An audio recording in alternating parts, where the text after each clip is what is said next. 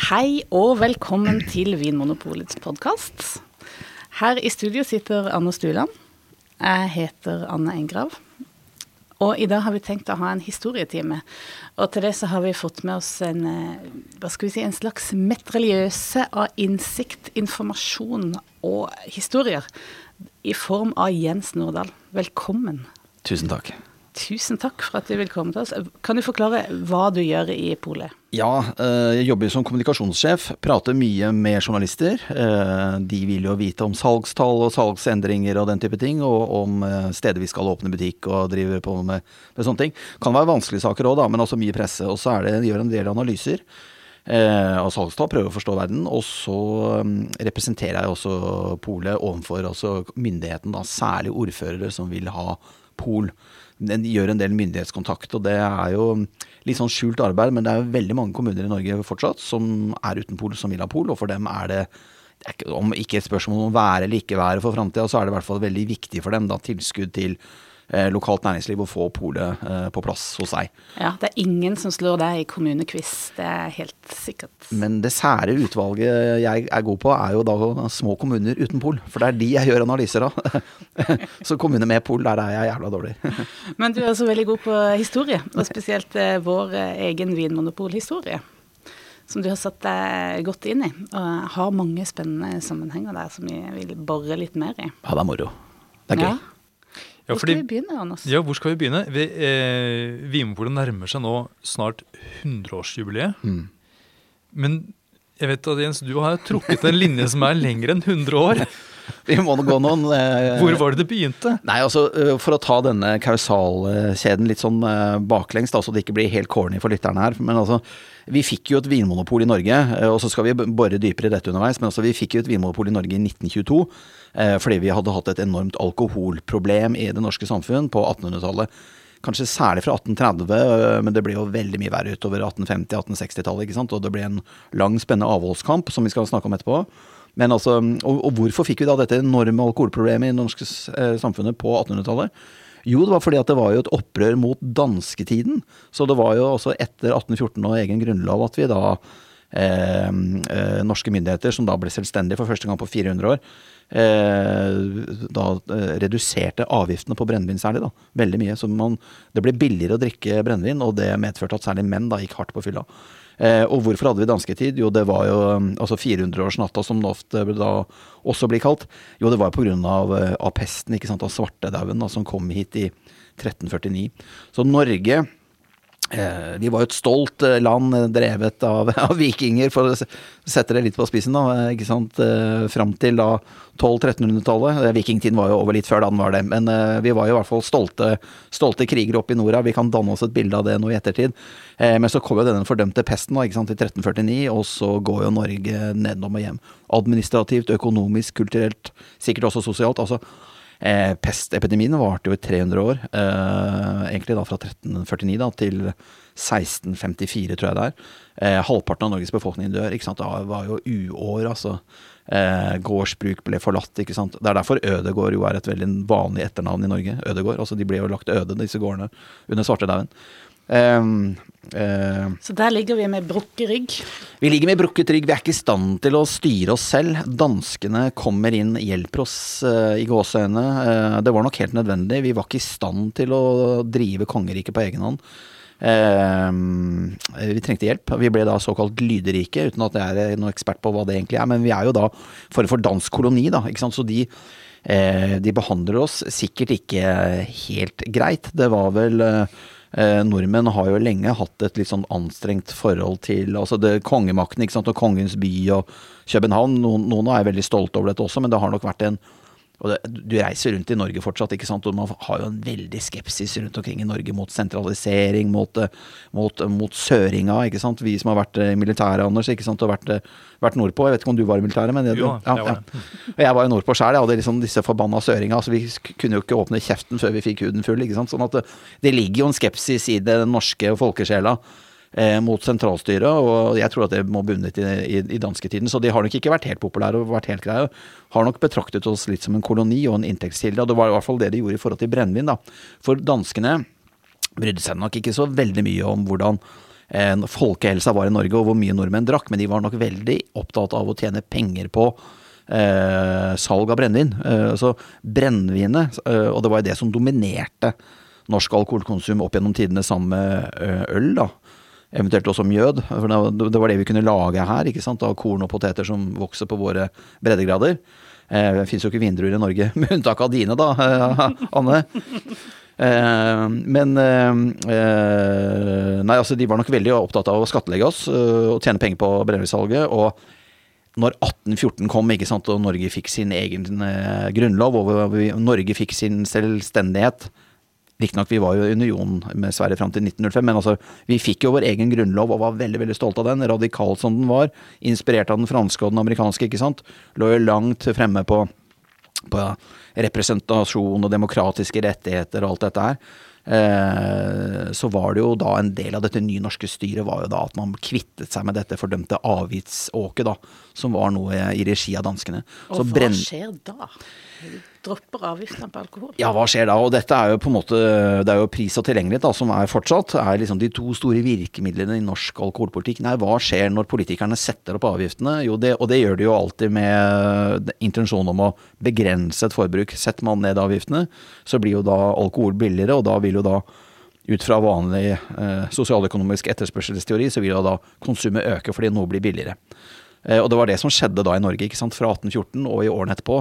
Så var man sikkert litt sånn i nasjonal festrus også, fordi man hadde blitt et selvstendig land. Og endelig, etter denne fordømte 400-årsnatten, den ble jo kalt det, perioden fra danskene eh, tok over, eh, og det var vel da på slutten av Var det 1396, da? Noe sånt noe? At eh, danskene At vi ble et lyderike under Danmark. at vi da var så utarmet etter 50 år med pest og svartedaud at da, da, gikk det ikke lenger. Så det var denne 400-årsnatten varte jo da fra 1396 da jeg der, og fram da til 1814.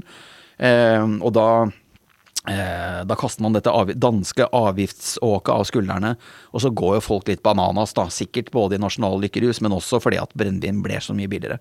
Og 20, 20 år senere, 1830-tallet, så hadde jo brennevinskonsumet blitt et svært samfunnsproblem i Norge. Men var det kun avgifter på brennevin eh, danskene hadde, eller hadde de avgifter på altså, De hadde sikkert avgifter på fisk òg, tror du ikke? Jo da, garantert. Så hvorfor feiret man ikke med å da bare gå bananas med å spise masse fisk istedenfor? for avgiftene på fisk gikk sikkert ned, de òg.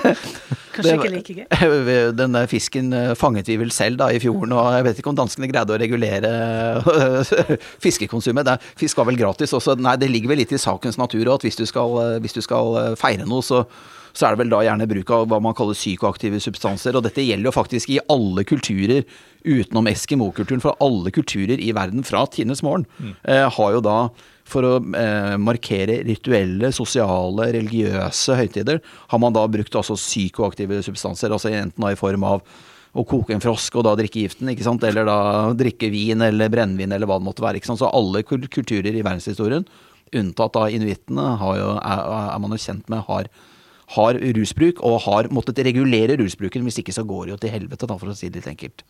ja. Men fisk var ikke et rusmiddel? Nei, det er det jeg prøvde å si på en litt kronglete måte. Fisk er nok ikke et rusmiddel, og heller ikke i min begrepsverden, altså. Nei.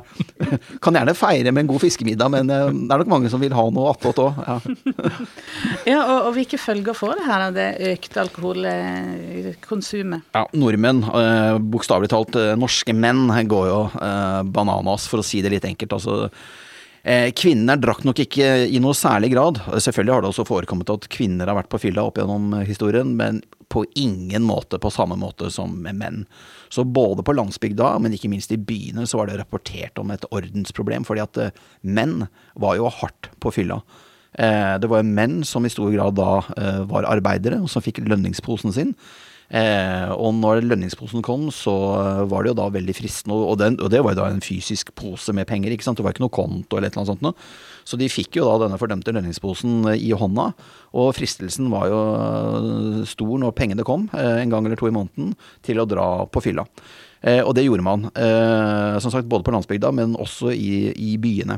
Så, og dette hadde da vart og rukket en 20 års tid, kanskje en 30 års tid da, etter 1814, ikke sant. Og man ble jo da fikk en gryende erkjennelse av at eh, alkoholproblemet hadde blitt en veldig veldig stor utfordring for samfunnet. Eh, for det første så handlet det om at veldig mange menn eh, drakk opp pengene, eh, som ellers skulle, burde gå til mat. Men det var jo, satt jo da selvfølgelig barna og kvinnene i en veldig veldig vanskelig situasjon. ikke sant? Rett og slett fordi at eh, pengene forsvant jo før de kom hjem. Eh, dessuten, veldig mange menn var jo da sikkert i, fikk jo dårlig helse. altså Det ble, ble også en lavere produksjonsgrad som følge av dette. her sånn. Så det var jo et, var nok et problem også da for arbeidslivet, men også sosialt og for familiene. Eh, og, eh, og det var jo også slik da at uh, disse mennene de var ikke på fylla én gang i uka. De var jo jammen på fylla to ganger i uken ofte i, i gamle dager. Ja, Og hvilke dager var det som da ja. var som, ja, for det var seks dager. Ja. De jobba jo seks dager da, ikke sant. Og da skulle man jo rense av seg en, en tøff arbeidsuke på, på, lørdag. Så lørdag var jo den store fylledagen eh, når uken var over. Men en enda større dag, og det syns jeg egentlig er veldig, veldig overraskende, men en enda større fylledag. Eh, var mandag, eh, merkelig nok. Eh, og eh, dette vet man jo fordi at politiet de førte jo sånne statistikker over ordensforstyrrelser. Eh, fyll og fanteri ble jo ikke betraktet egentlig, i hvert fall ikke av det offentlige Norge, som et stort helseproblem eh, på 1800-tallet. Dette var jo et ordensproblem, rett og slett fordi at da menn eh, sjanglet og ranglet rundt i gatene, hoiet, sloss, skadet hverandre i fylla. Eh, og da kom jo lovens lange arm, da, politiet, som vi da må anta var edrue, og, og, hentet dem inn eh, og puttet dem i kasjotten. ikke sant? Så der fikk de lov til å sove, sove, natten over. Og dette da skjedde i veldig stor grad på lørdager, men i enda større grad. Og det er det som er så rart å forstå for oss nå, eh, nå i 2020, men i enda større grad på mandager. Da var det jo slik at da skulle jo Logikken var jo at man, da skulle man herde seg eh, til en tøff arbeidsuke. Man skulle rense seg på lørdagen eh, med fylla, men på mandag så skulle man da, etter å ha jobbet på mandag, eh, eller da kanskje for så vidt etter å ha sovet ut rusen på søndag, og så liksom så vidt ha greid å kreke seg på jobb på, på mandag, så skulle man da liksom drikke enda hardere på mandag for å, renne, eh, for å, herde seg til resten av arbeidsuka, som da var de fem påfølgende arbeidsdagene. Og da var, eh, skulle man liksom da drikke så hardt. Eh, dette gjaldt nok ikke i alle miljøer, men det gjaldt i hvert fall i så stor grad at man da fikk begrepet blåmandag, for man skulle da drikke så hardt og så mye brennevin at man nærmest fikk en blålig glød i huden. Og om det da skyldes langt fremskreden brennevinskonsum over lang tid, eller om man da liksom nærmest skal kveles når du, når du holder på, det har jeg ikke brakt klarhet i. Men altså begrepet blåmandag har sammenheng med at man da ble så blå i huden uh, av å være på fylla på mandager at, man, at det gikk hardt utover helsa. da. Shit. Ja. Det er altså så heftig. Det er blåmandag. Det, det, er ikke en fest, det, vet du. Det er ikke en fest, og dette var jo et kjempefolkeproblem. Og det er ikke rart at, eh, at det etter hvert da begynte å bli en folkebevegelse eh, mot eh, alkoholkonsum og overdreven alkoholkonsum i Norge.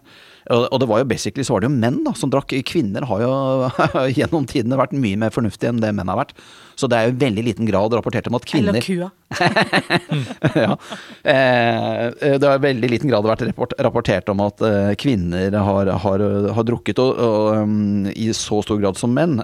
Og sånn er det nok faktisk også fortsatt. Men på 1800-tallet, altså i byene, så hvis man studerer politiets statistikk, så vil jo da i byene så vil jo 92-93 Kanskje så mye som 94% av disse drukkenskapsforseelsene vil jo være begått av menn, mens bare 5-6 av, av kvinner.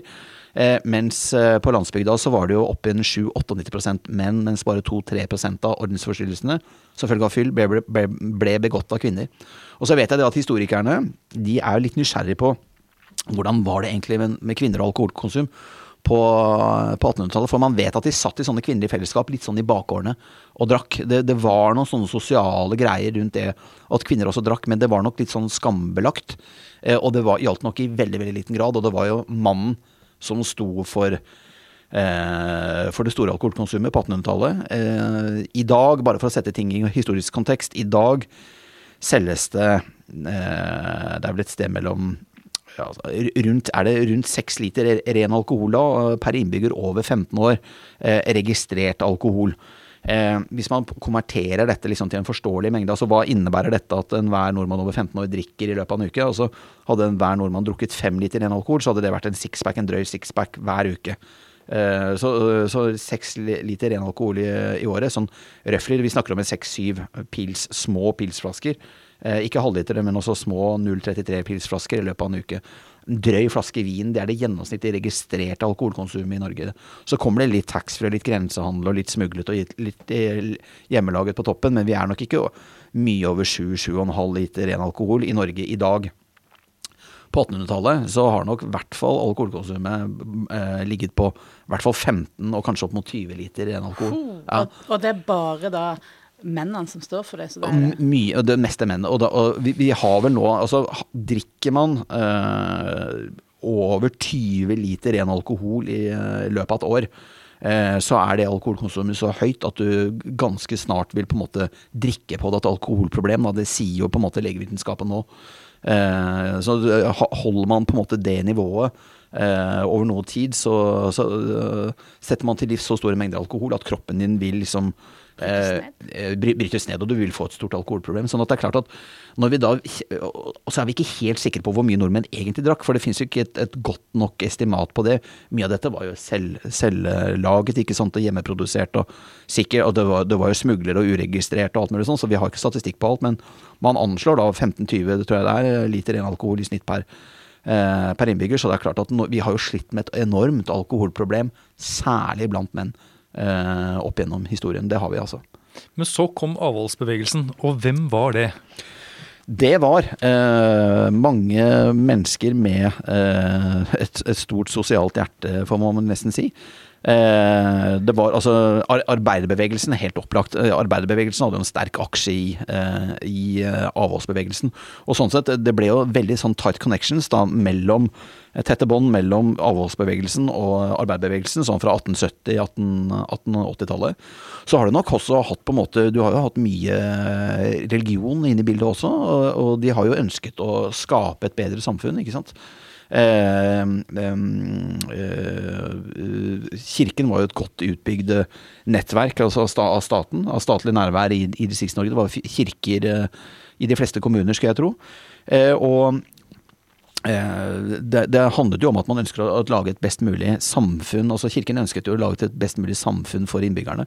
Så når man da ser at, at, at man da har et så stort samfunnsproblem med alkohol, så ønsker jo både arbeiderne og, og Kirken Eh, å gjøre noe med dette. Og så vil jeg vel si også at det er et sterkt element av likestilling og kvinnekamp i dette. Det må jo ha vært helt fortvilende når man leser altså disse gamle rapportene om hvordan menn har herjet og drukket, og drukket opp lønningsposen og på en måte ødelagt for barn og kvinner opp igjennom. Det må jo ha vært helt forferdelig og helt for jævlig å være dame og, eh, og ikke kunne brøde for barna dine fordi mannen din er på fylla. og Noe så meningsløst. Så jeg tenker det at du har fått en sånn god treenhet der sånn, religion, eh, kvinnekamp og arbeiderbevegelse. Eh, man kan også danne seg det bildet at arbeiderbevegelsen har liksom hatt to store fiender å liksom kjempe mot etter hvert. da. Arbeiderpartiet ble vel da stiftet en eller annen gang på 1880-tallet, eh, hvis ikke jeg husker feil. Eh, jeg burde vel husket det året helt, eh, helt eh, presist, men altså 1880-tallet en eller annen gang. da, 1884 eller et eller annet sånt noe. 88, noe, noe rundt der. Eh, men altså arbeiderbevegelsen vokser jo utover 70-tallet, altså 1870-tallet og 1880-tallet, ikke sant. Og, og, det de nok da ser, er jo at, uh, at man har en ytre fiende i form av kapitalistene, ikke sant, som utbytter arbeiderne. ikke sant, Det er jo også en fremvekst av, uh, av arbeiderbevegelse, og også etter hvert kommunistbevegelse internasjonalt, ikke med med leninismen og alt mulig sånn ikke sant, i Russland, og du, du får jo store revolusjoner og alt dette her. Så det, dette, er, dette er noe som skjer internasjonalt. Eh, etter den industrielle revolusjonen. Men øh, produksjonsforholdene har jo vært elendige. ikke sant? Det har jo vært skummelt å være arbeider. De har jo vært eksponert for veldig mye forurensning.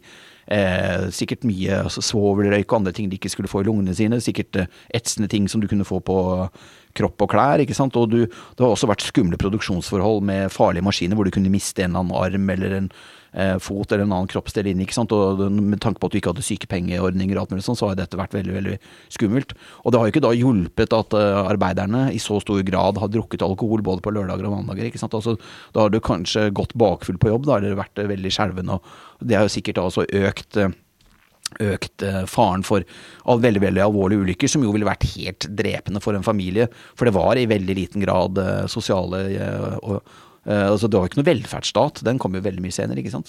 Sånn at Da måtte du på fattigkassa, da, og der var det jammen ikke mye å hente heller. Sånn at um, arbeiderne, har, eller arbeider, arbeiderbevegelsen har nok da liksom sett på kapitalismen og alt med, med dårlige produksjonsforhold som den ytre fienden og den indre fienden. Eh, har jo da vært alkoholen ikke sant, spist opp arbeidskraften fra innsiden. Eh, det har jo alltid for arbeiderbevegelsen vært veldig viktig dette med folkehelse og det å ha høy produksjon, også høy produktivitet i seg selv. Men eh, jeg kan nevne det som en sånn morsom liten eh, digresjon der, men altså var veldig viktig for de kommunistiske statene etter hvert. Russland, eller altså Sovjetunionen, da, men for DDR, ikke sant, å gjøre det godt i idrettsmesterskap osv. For da å vise at den samfunnsmodellen, altså den kommunistiske Eh, samfunnsmodellen var den vestlige fri konkurransemodellen overlegen, da, i kraft av folkehelse og idrettsprestasjoner. og eh, Vår egen kjære Drillo han er jo en fyr man bare må, må elske av hele sitt hjerte, i hvert fall vi som er fotballinteressert. Men også, jeg snakker da om den tidligere norske landslagssjefen, ikke sant, Egil Drillo Olsen. Men han, jeg, hvis ikke jeg husker feil, han var jo da veldig AKP-interessert eh, i sin ungdom, eh, og, og, var vel eh, kommunist uttalt en lang periode. Han, han skrev jo da også en, en, en oppgave Eh, som da han var fotballspiller, om, eh, på idrettshøyskolen, mener jeg det var, eh, om hvordan da fotball ville liksom høyne produksjonskvaliteten til arbeidsstyrken. sånn at altså det, dette med folkehelse og, og, på en måte det at du skulle ha sunne arbeidere i, i, i bevegelse det, i, i fabrikkene, det har jo vært en kampsak for arbeiderbevegelsen hele tiden. Av forståelige grunner. Og klart er det jo veldig logisk da, å kjempe mot alkohol, som jo ødelegger så mye. Så um, Jeg tenker fabrikkeiere ja, ja. eh, og overklassen, de må også ha vært interessert mm. i et samfunn som fungerer optimalt, og hvor liksom produksjonen går eh, glatt. Ja, skulle man, skulle man jo tro det. Men så var det vel kanskje da flytting fra landsbygda. Så hvis en arbeider mista armen og falt ut av det, da, så kom, var det en ny bonde som flytta hjem fra byen. ikke sant? Mm. Litt sånn som i Kina nå, ikke sant? hvor uh, landsbygda der tømmes for, for bønder. ikke sant? Og folk flytter i hopetall inn til byen.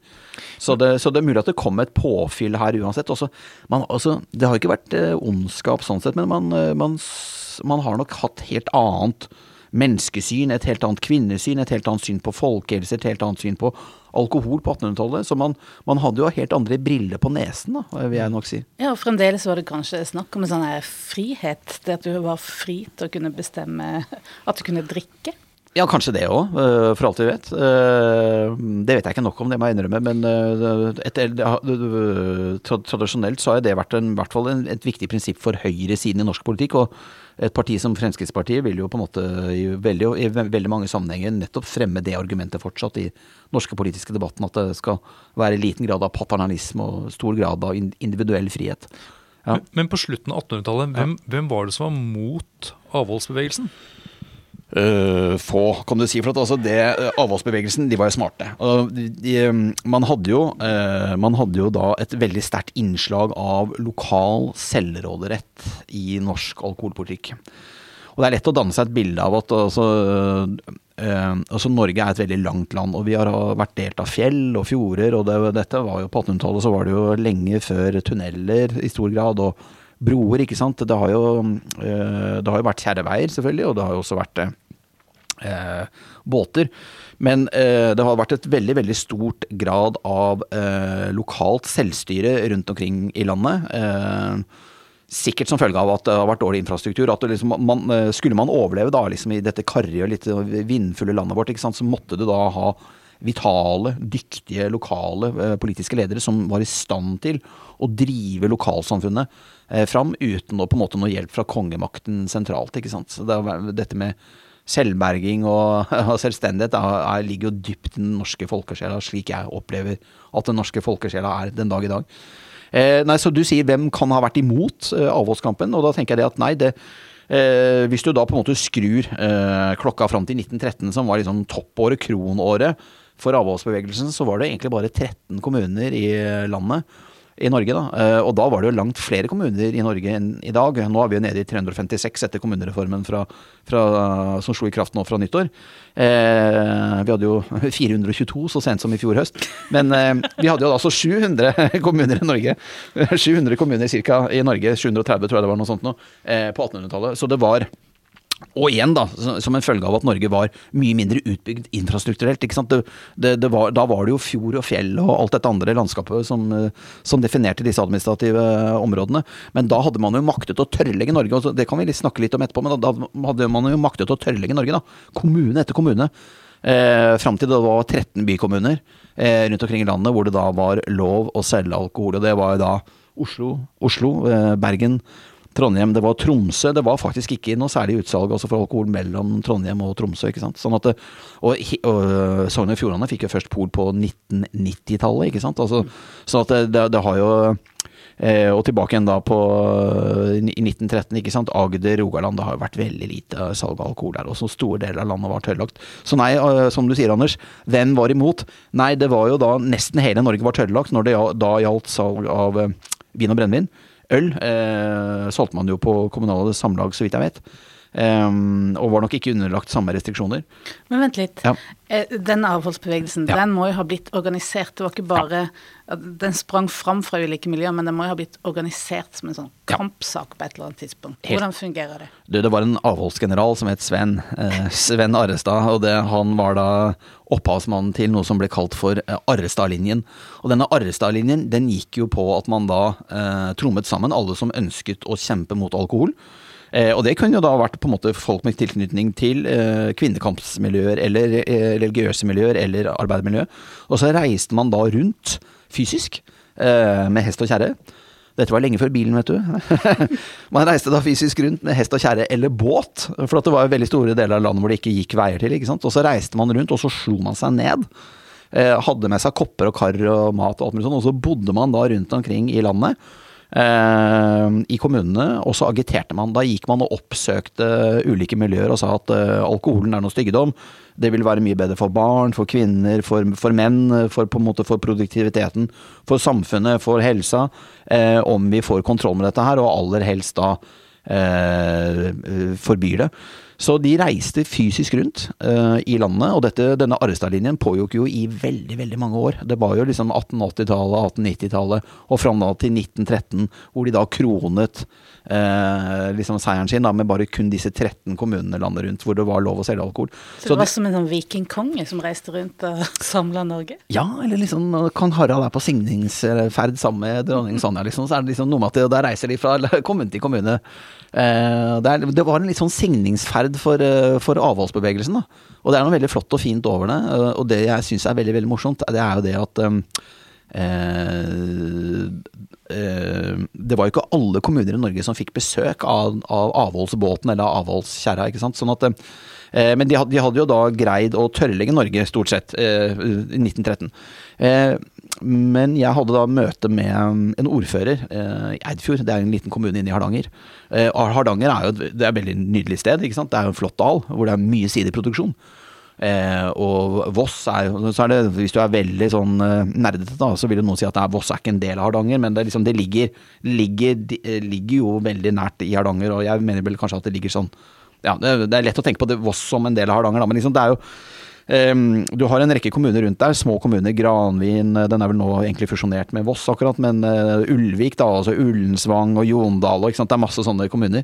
Og så er det noen av dem så er det en ekstremt sånn pragmatisme knyttet til alkoholkonsum og alkoholproduksjon den dag i dag. Altså De er jo siderbønder og veldig stolte av det. Uh, og det er i ferd med å bli en ny næring, det, i uh, Hardanger.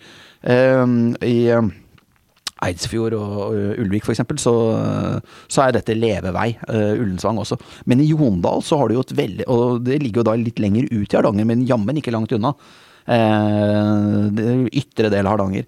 Uh, der har du da bedehuskultur, uh, og man kan jo danne seg et bilde av at det er litt sånn streng religiøsitet der den dag i dag. Liten kommune. men i Jondal der ønsker man jo ikke noe pol i det hele tatt. og det denne ordføreren i Eidfjord kunne fortelle meg, var jo det at denne avholdsbåten en gang på 1800-tallet, den, den, stoppet jo av en eller annen grunn i Jondal. Han, skipperen kom seg ikke videre. Enten så døde den, eller så gifta han seg med en annen dame, eller så var han drittlei. Eller et Kanskje båten sank, jeg aner ikke. Kanskje han på fyll? ja, den tanken har jeg ikke tenkt, men kanskje det var det han gjorde. Eh, I hvert fall, båten kom seg ikke videre, og poenget er da liksom at noe vi er helt blind for, altså en båt som stoppet i Jondal for 100, nesten 150 år siden, eller 140 år siden, den forklarer hvorfor du har en den forklarer politisk kultur og den forklarer politiske standpunkt en dag i dag. Hvorfor er det slik at du da ønsker pol i Eidfjord, men ikke ønsker det i Jondal? Jo, det er fordi at denne båten da eh, stoppet der i Jondal for 140 år siden. Sånne ting syns jeg er kjempespennende, for det betyr jo det at den verden vi er en del av i dag, den er definert av veldig mange skjulte historiske spor som vi ikke veit noe om. Vi skjønner det ikke. Men så jeg, jeg, lå ikke våken og tenkte på hvorfor Jondal ikke hadde søkt om pol. Jeg gjorde ikke det før jeg fikk vite det, men jeg syns det var veldig veldig interessant å få vite om det. At, at dette, dette var jeg vil kalle et sånt skjult historisk spor som forklarer noe om hvorfor Norge er som det er i dag, og forklarer noe om politiske, kulturelle forskjeller eh, mellom nabokommuner den dag i dag i Norge. Det er spennende. Men det er mer som preger eh, historien, og det er kriger. Ja. Etter da denne her høydepunktet for avholdsbevegelsen, som ja. de sier, 1913, ja. så kommer jo etter hvert eh, første verdenskrig. Ja, og det, det, gjør det. ikke sant? Og da Avholdsbevegelsen hadde jo på en måte vunnet fram eh, med agitasjonen sin. Eh, det var jo slik at det var jo veldig eh, legitimt å prøve å begrense fylla eh, i 1913. Og så kom jo da, som du sier, eh, første verdenskrig, ikke sant, 1914. Og den varer jo noen år, da. Eh, eh, og selv om Norge ikke er direkte med i første verdenskrig, så er vi jo selvfølgelig veldig indirekte berørt av den. Eh, det er jo blokader, og det er jo dårlig med eksport og import. Altså internasjonal handel stopper opp. og det er jo uår, det er jo nød også i Norge, ikke minst i Europa, men også i Norge. Eh, og vi skal jo huske på det, altså i parentes bemerket, han har sagt, vi skal huske på det at altså fra 1850 til 1950 over en million nordmenn drar jo til Amerika for å, for å søke bedre forhold. Så vi skal være klar over at her vi sitter i all vår eh, velsmurte oljerikdom og liksom eh, nipper levert et glass med vin og, eh, på, eh, på, en, på, en, fredag her, her, i Norge nå. Så det er vanskelig å se for seg de harde kåra som har vært i Norge inntil ganske nylig. altså. Eh, og hvordan forfedrene bare en par generasjoner tilbake i tid hadde helt andre livsvilkår å forholde seg til. Og det er som du sier her i spørsmålet ditt, Anne, det er klart at Norge eh, mens første verdenskrig eh, sto på, vi ble jo berørt av, dette, av denne internasjonale eh, resesjonen som første verdenskrig jo innebar. Eh, reduksjon i handel, og det var jo nød og, og, sult. Store sultproblemer også i Norge, og det er klart at det var jo mye mer legitimt da å bruke korn og poteter til å produsere mat enn til å lage øl og, og brennevin, som jo er innsatsfaktoren til, eh, til eh, altså, ja, det er jo, Som dere vet mye bedre enn meg, det er det man lager øl og, øl og brennevin av. ikke sant? Sånn at man måtte, jo, man måtte jo rasjonalisere bruken av disse matvarene og sørge for å brødfø befolkningen. Kvinner og barn først, selvfølgelig. Men så, så, det, så, så dette var det jo politisk konsensus om eh, under første verdenskrig, og et stort flertall av befolkningen eh, ville at det skulle være sånn. Og man fikk jo da faktisk eh, en folkeavstemning om dette her eh, i 1919, ikke sant. Da var det jo en folkeavstemning om man skulle da tillate salg av brennevin eller ikke. Eh, da, For da var krigen over? Da var krigen over. første verdenskrig var over, og man, man tenkte det at hvordan i all verden skal vi sørge for at folk har det bra? Eh, nå begynner etter hvert sakte, men sikkert økonomien å blomstre igjen, men vi kan jo ikke ha sultne folk. Eh, så eh, brennevinsforbudet var veldig legitimt. Folk ville ha det. Eh, og det var jo da den tredje folkeavstemningen i Norge.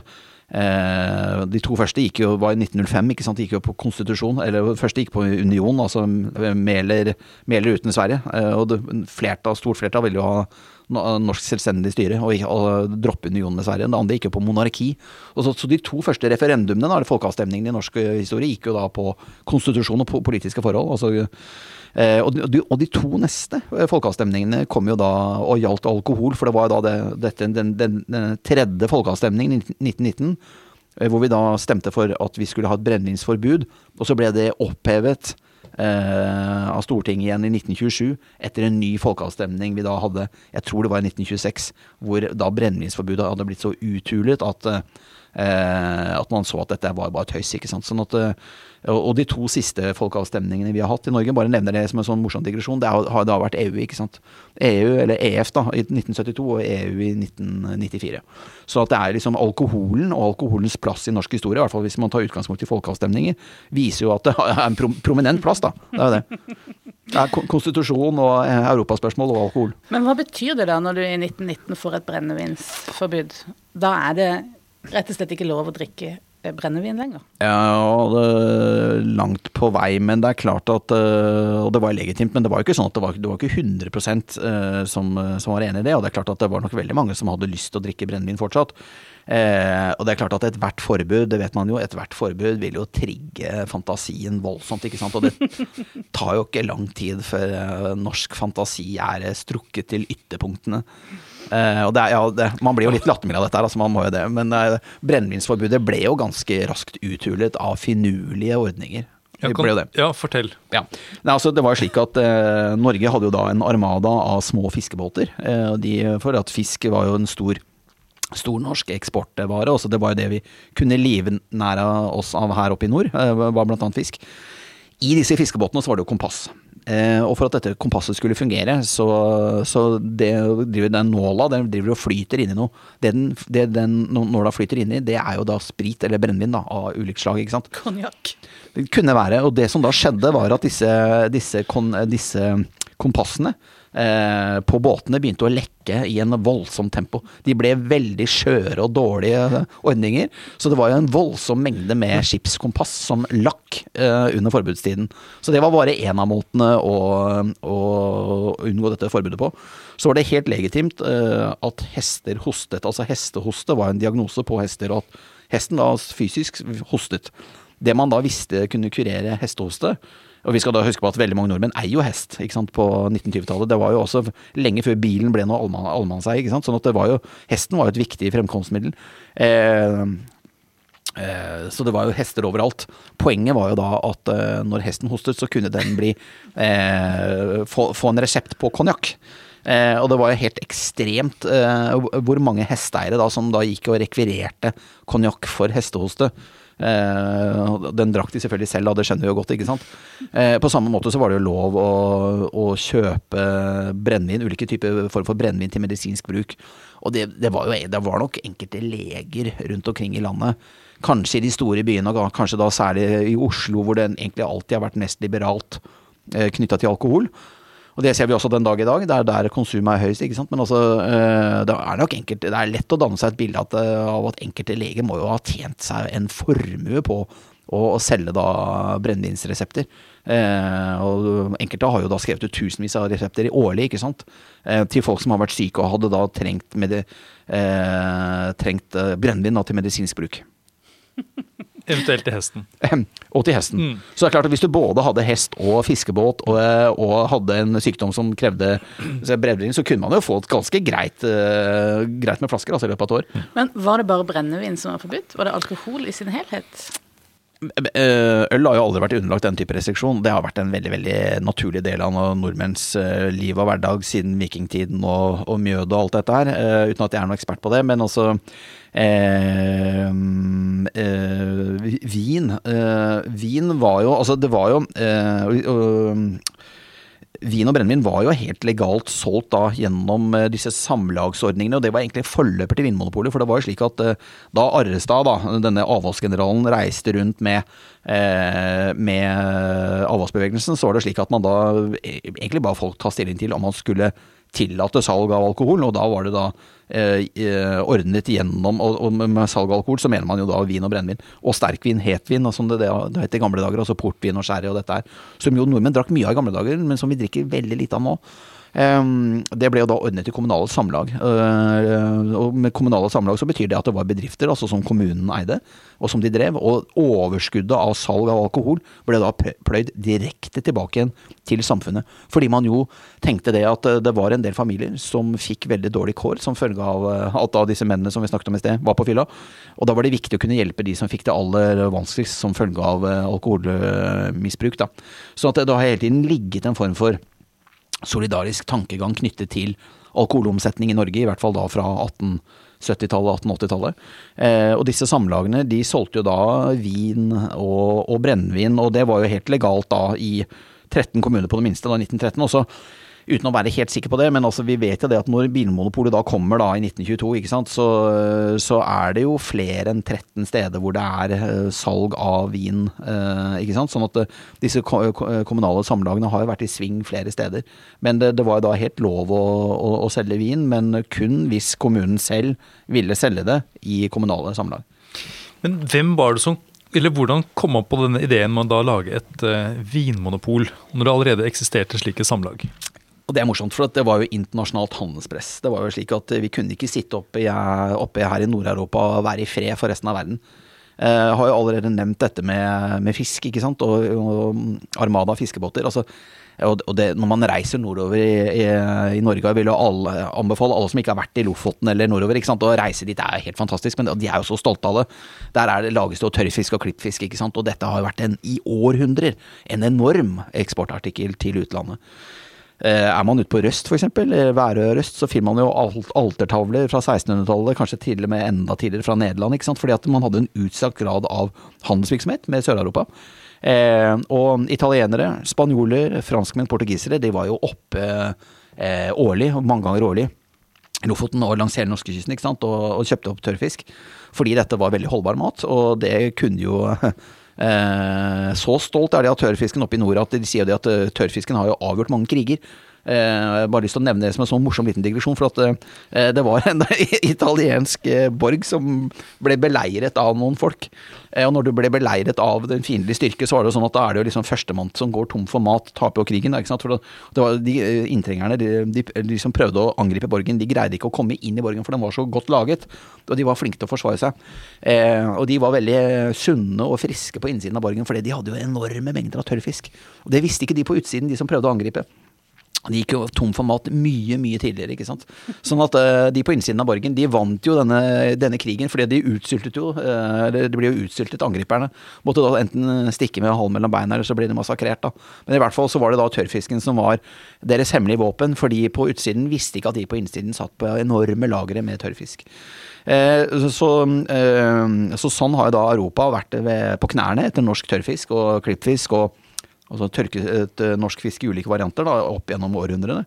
Eh, fordi det har vært veldig mm, holdbar mat som har betydd mye for dem. Og de har jo retter som bacalao og hva, hva, vet jeg? Altså retter de eh, som er en veldig veldig sånn integrert del av kostholdet i, i Portugal osv. Så, videre. så det disse vinlandene sa, eh, de var, jo, de, de var jo lei av da å på en måte kjøpe all denne fisken av oss uten å få noe i retur. Så det de sa til oss, var jo det at eh, hvis vi skal fortsette å kjøpe fisk av dere og nordmenn, så må dere kjøpe det vi produserer her, og det er vin. Um, og da skal vi huske det at uh, fiskeri, som fortsatt er en veldig veldig stor norsk uh, eksportbransje, uh, den, den, var jo det virkelig det store gullet for 100 år siden. Det var jo det vi levde av, ikke sant. Så det å legge ned norsk fiskerivirksomhet, og det å slutte å eksportere norsk fisk, det var jo helt utenkelig for norske myndigheter. Virkelig. Så det man da bestemte seg for, var at selvfølgelig må vi gjøre hva vi kan for å holde hjulene i gang langs hele kysten vår. Eh, sånn at eh, eh, norske myndigheter bestemte seg for da å akseptere dette kravet fra vinlandene. Og jeg tror da i første rekke at det var Frankrike, Spania og Portugal som sammen sa det at dere må kjøpe vinen vår. Så var det sånn at Frankrike, Spania og Portugal de kunne ikke undertegne en avtale liksom med Løten og med, og med Drangedal og med Kragerø kommune og den type steder. ikke sant? De måtte jo undertegne en avtale med med, med, den norske stat. Så man kunne ikke da overlate til denne samlagsmodellen, ikke sant, og, og, eh, og, og holde liv i dette helt eh, utrolig viktige på en måte handelspolitiske spørsmålet som måtte, da måtte gjelde på nasjonalt nivå. Så det var jo staten Norge eh, som da måtte sørge for å holde hjulene i gang. Eh, sørge for at eksporten av fisk skulle opprettholdes, men da på en måte organisere importen av vin. Eh, og da ble jo Vinmonopolet opp, eh, opp eh, hva heter det, vi ble da grunnlagt. Ja. ja opprettet. vi ble da grunnlagt i 1922. Og startet vel da i november 1922. Så av internasjonalt handelspress. Eh, og så ville, og måtte altså Myndighetene måtte ha kontroll på dette her, og man ville også ha kontroll på det. For man, hadde, man, hadde, lyst til å kontrollere dette, men i starten så var da Vinmonopolet et delprivatisert eh, aksjeselskap. Eh, staten hadde kontroll på det. Eh, og satt jo etter hvert også med betydelig eh, aksjemajoritet. Eh, men det var jo en rekke private eiere i starten som eide aksjer i Vinmonopolet. Men man skjønte jo sånn utover på 20-tallet og 30-tallet at dette måtte staten ha orden på selv. Og man ønsket jo å ha orden på dette selv. Så staten kjøpte ut de siste private aksjene i 1939, vet jeg. Mm. Mm. Nettopp. Men fremdeles er det ikke blitt et eh, på en måte snakk om et sånn eh, folkehelse eh, Altså det er ikke en del av et sånn folkehelseinitiativ, det her? da? Uh, nei, men det er nok det òg, vet du. For at uh, arven fra avholdsbevegelsen handlet jo veldig mye om, uh, om at arbeiderklassen ikke skulle på en måte ydmykes gjennom overdreven alkoholkonsum. Det handlet jo mye om, om kvinnekamp, om likestilling, om barns oppvekstvilkår. Så det, det har jo hele tiden ligget, en, ligget noe folkehelsemessig perspektiv til grunn her. men altså, på 1800-tallet så så man jo på en måte på alkoholisme som et ordensproblem. Eh, og etter hvert så var jo Vinmonopolet da direkte underlagt Sosialdepartementet, og Sosialdepartementet styrer jo egentlig da mer med sosiale problemer når, ting, når, det har gått for langt. Og det, det er jo først etter år 2000 at Vinmonopolet ble flyttet fra det daværende Sosialdepartementet og til Helse- og omsorgsdepartementet. Sånn at det er først liksom i løpet av de siste 20 årene at man har fått den siste omdreiningen på den skruen der, for å si det sånn. Mm. Så det var jo, Men lenge så så man jo på dette som et ja, som, et, som et, eh, problem. Og, og, det er det jo også. Det, det, det, selvfølgelig, altså, det er jo Alkoholen representerer jo fortsatt et problem eh, for Norge og det norske samfunn, og for mange enkeltpersoner. Og vi skal jo huske på at det er derfor vi finnes, ikke sant. Det er det som er vårt oppdrag. Vinmonopolets oppdrag den dag i dag, i det årlige oppdragsbrevet vi får fra Helse- og omsorgsdepartementet, der står det jo svart på hvitt at Vinmonopolet skal bidra til å begrense alkoholkonsum i Norge. Og vi skal også bidra til å begrense ikke minst skadene av alkoholkonsum i Norge. Så, så det har nok eh, ligget der eh, som et eksplisitt premiss uttalt i større eller mindre grad opp gjennom historien. Men liksom selve fylleproblemet, det var jo da på 1800-tallet, som, som, jeg sa i sted, et ordensproblem. Og så ble det mer, ja, et mer sånt sosialt problem. Og så et, nå, nå, nå, prøver man på en måte å se litt mer på det, i hvert fall. Uh, ja, man, man, prøver å forebygge, så man skal unngå å få disse alvorlige problemene. For man vet jo det at alkohol, alkoholens problemer og, og negative på en måte potensialet er jo, er jo betydelig.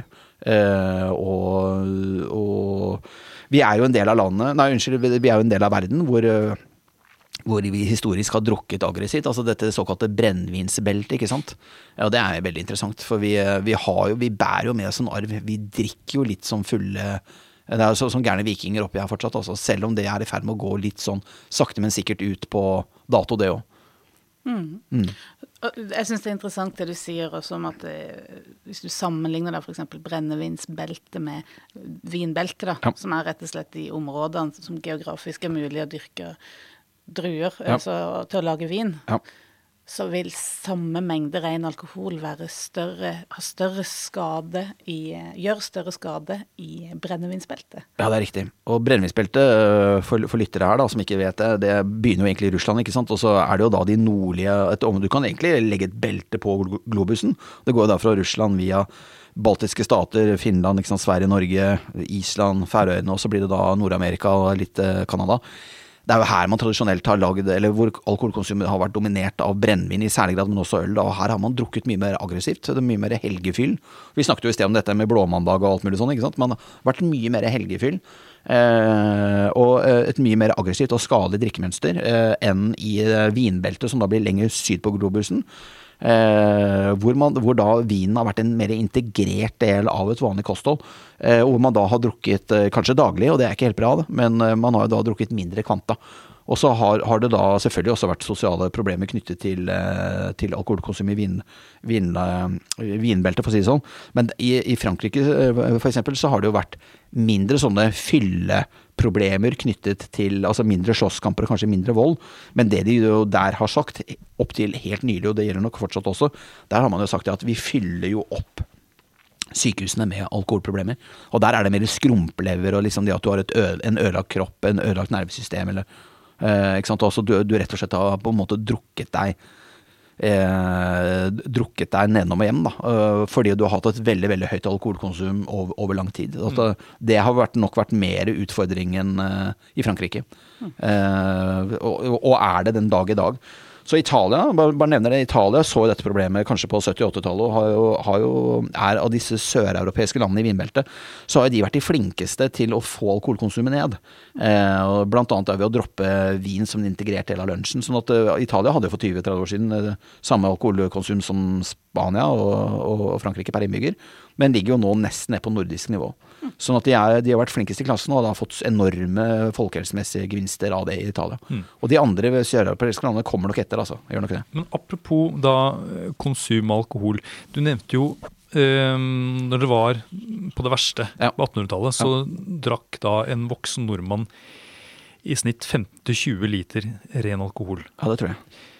Vet du altså, hjal- hvor mye hjalp det når eh, det, det ble kontrollert salg av alkohol og, eh, sånn på, ja, etter 1922?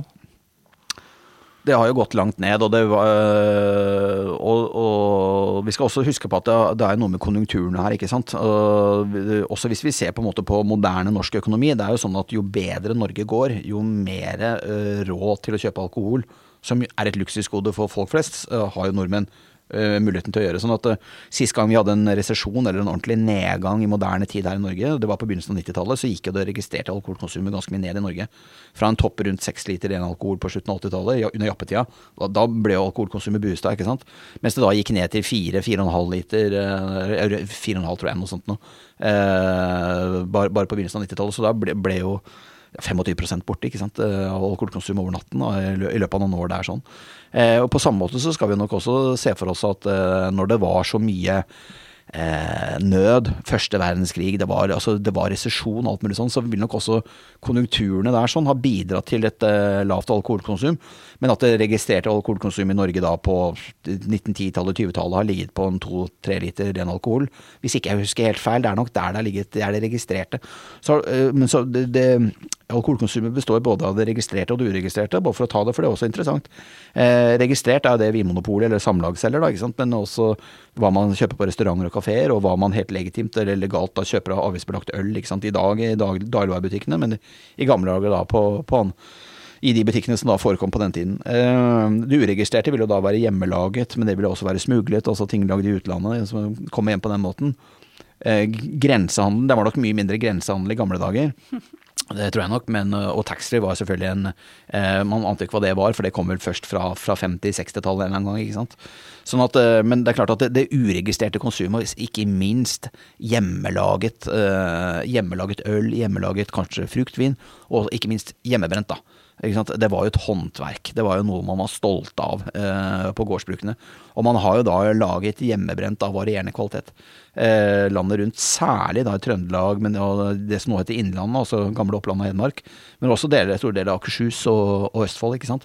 Det har, det er, og det er her du har de store kornområdene, hvor man da helt naturlig har eh, laget hjemmebrent av eh, korn og, og, og Eller unnskyld, poteter da, først og fremst. men eller, nå ble jeg faktisk litt usikker på hvordan man lager hjemmebrent, men det er vel mye sukker og gjær involvert? er det ikke det? Vet dere det? Er dere ekspert på Jeg har hjemmebrent? aldri brent Jeg, jeg hjemme. tror denne prosessen med, med poteter som, som råstoff er litt for komplisert for, eh, for hjemmebrennere. Ja, det tror jeg du har rett i. Det er vel mer akevitt hvor det er, eh, hvor, det er eh, hvor, hvor poteter er innsatsfaktor. Jeg tror det er mye sukker. Ja, det er mye sukker. Men i, i hvert fall så har jo hjemmebrent da vært et problem i, den, i denne delen av, av landet.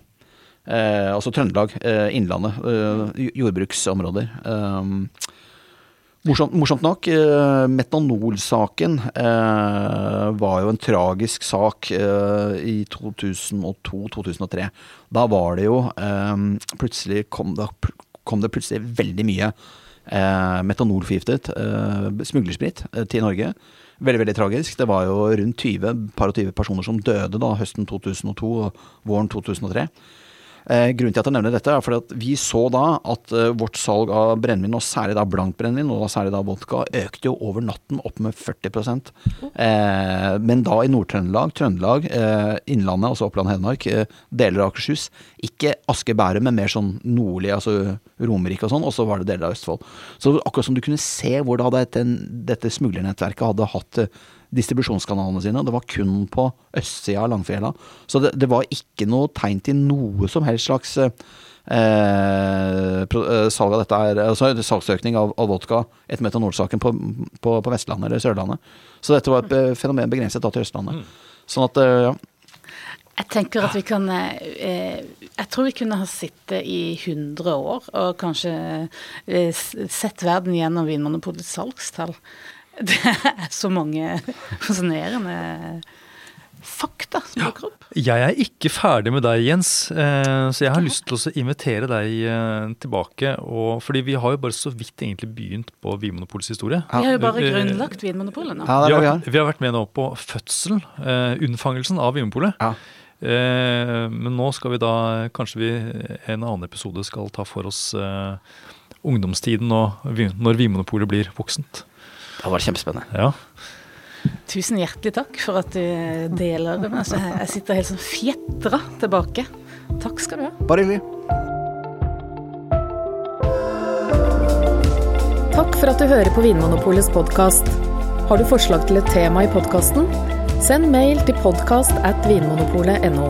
I tillegg svarer kundesenteret deg på e-post, chat og telefon.